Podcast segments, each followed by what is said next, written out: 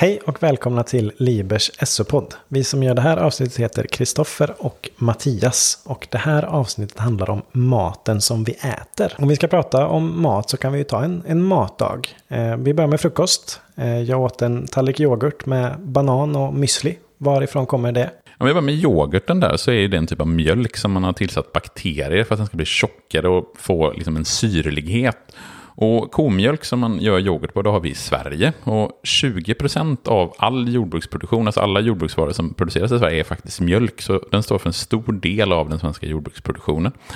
Den här bananen som du skivade ner i din yoghurt, den kan vi inte odla i Sverige på grund av klimatet. Utan bananerna de odlas i länder runt ekvatorn där det är tropiskt klimat. Müslin kan innehålla lite olika saker, men en huvudingrediens det är ofta havregryn som är ett spannmål. Och det kan vi odla i Sverige. Även om det mesta av havren som odlas blir föda till boskapen, till exempel då, till korna som vi får mjölken ifrån. Om det var frukt i din müsli så kan den komma från lite olika ställen beroende på vilken frukt det var. Var det äpplen i så kan det ha odlats i Sverige beroende på säsong. Men det är oftast från andra länder som kan odla äpplen i större skala. Är det exotiska frukter som till exempel papaya eller fikon så kommer den från andra delar av världen. Och till lunch sen då blir det fisk med ris och grönsaker. Fisken kommer förmodligen från något av alla hav i världen. Eh, beroende på hur nära ett land havet ligger så får olika fiskare fiska i de här haven. Eh, till exempel om vi är nära Sveriges gräns så får till exempel bara svenska fiskare fiska där. Fisket idag har stora problem eftersom det helt enkelt är för bra. För svensk del så finns det en risk att ålen och torsken fiskas ut, det vill säga att den håller på att försvinna. Man kan då, vilket jag hoppas att du gjorde, välja fisk som är hållbarhetsmärkt. Det finns ett märke som heter MSC som visar att fisket har skett hållbart. Till den här fisken så åt du ris och tillsammans med vete, majs och sojabönor så är det den viktigaste grödan i världen. Ris det är det vanligaste livsmedlet för hälften av alla människor i världen. Men för att odla ris så måste det vara varmare än 25 grader flera månader i rad. Och det är det ju inte i Sverige, vilket gör att i Sverige kan vi inte odla ris, utan det mesta riset odlas i Sydostasien, till exempel i Vietnam och i Kina och i Indien. Och de här grönsakerna som du åt till din lunch, de kan komma från lite olika ställen beroende på vad det är för grönsaker. Oftast från olika platser i Sydeuropa, till exempel tomat från Nederländerna, gurka från Spanien och sallad från Italien. Nu eh, spelar vi in det här så har jag inte hunnit äta varken middag eller kvällsmat än, men varför är det så att vi inte bara äter mat från Sverige?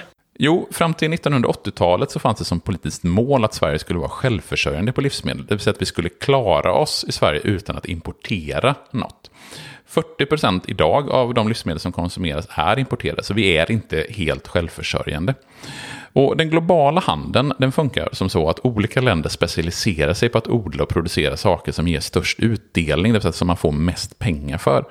Till exempel så odlar man bananer i Ecuador, i Brasilien så odlar man kaffe och i Ghana så odlar man choklad. Vilken påverkan har den här maten som vi äter?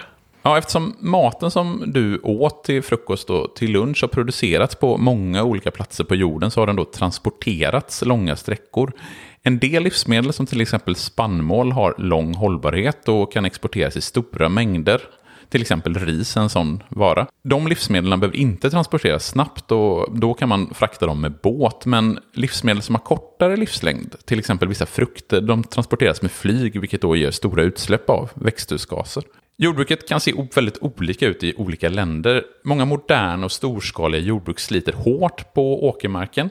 Men i Sverige så har jordbruket blivit allt mer miljömedvetet och miljövänligt under de senaste åren. Idag har vi alltså lärt oss om maten som vi äter. Att den kommer från olika delar av världen beroende på vart den kan produceras. Att det kan ha stor påverkan på klimatet. Till exempel genom transporter men också jordbrukets påverkan på klimatet. Vi har också lärt oss att jordbruket i till exempel Sverige har blivit mer miljövänligt under de senaste åren och därför kan förhoppningsvis minska den här påverkan på klimatet. Tack! Tack!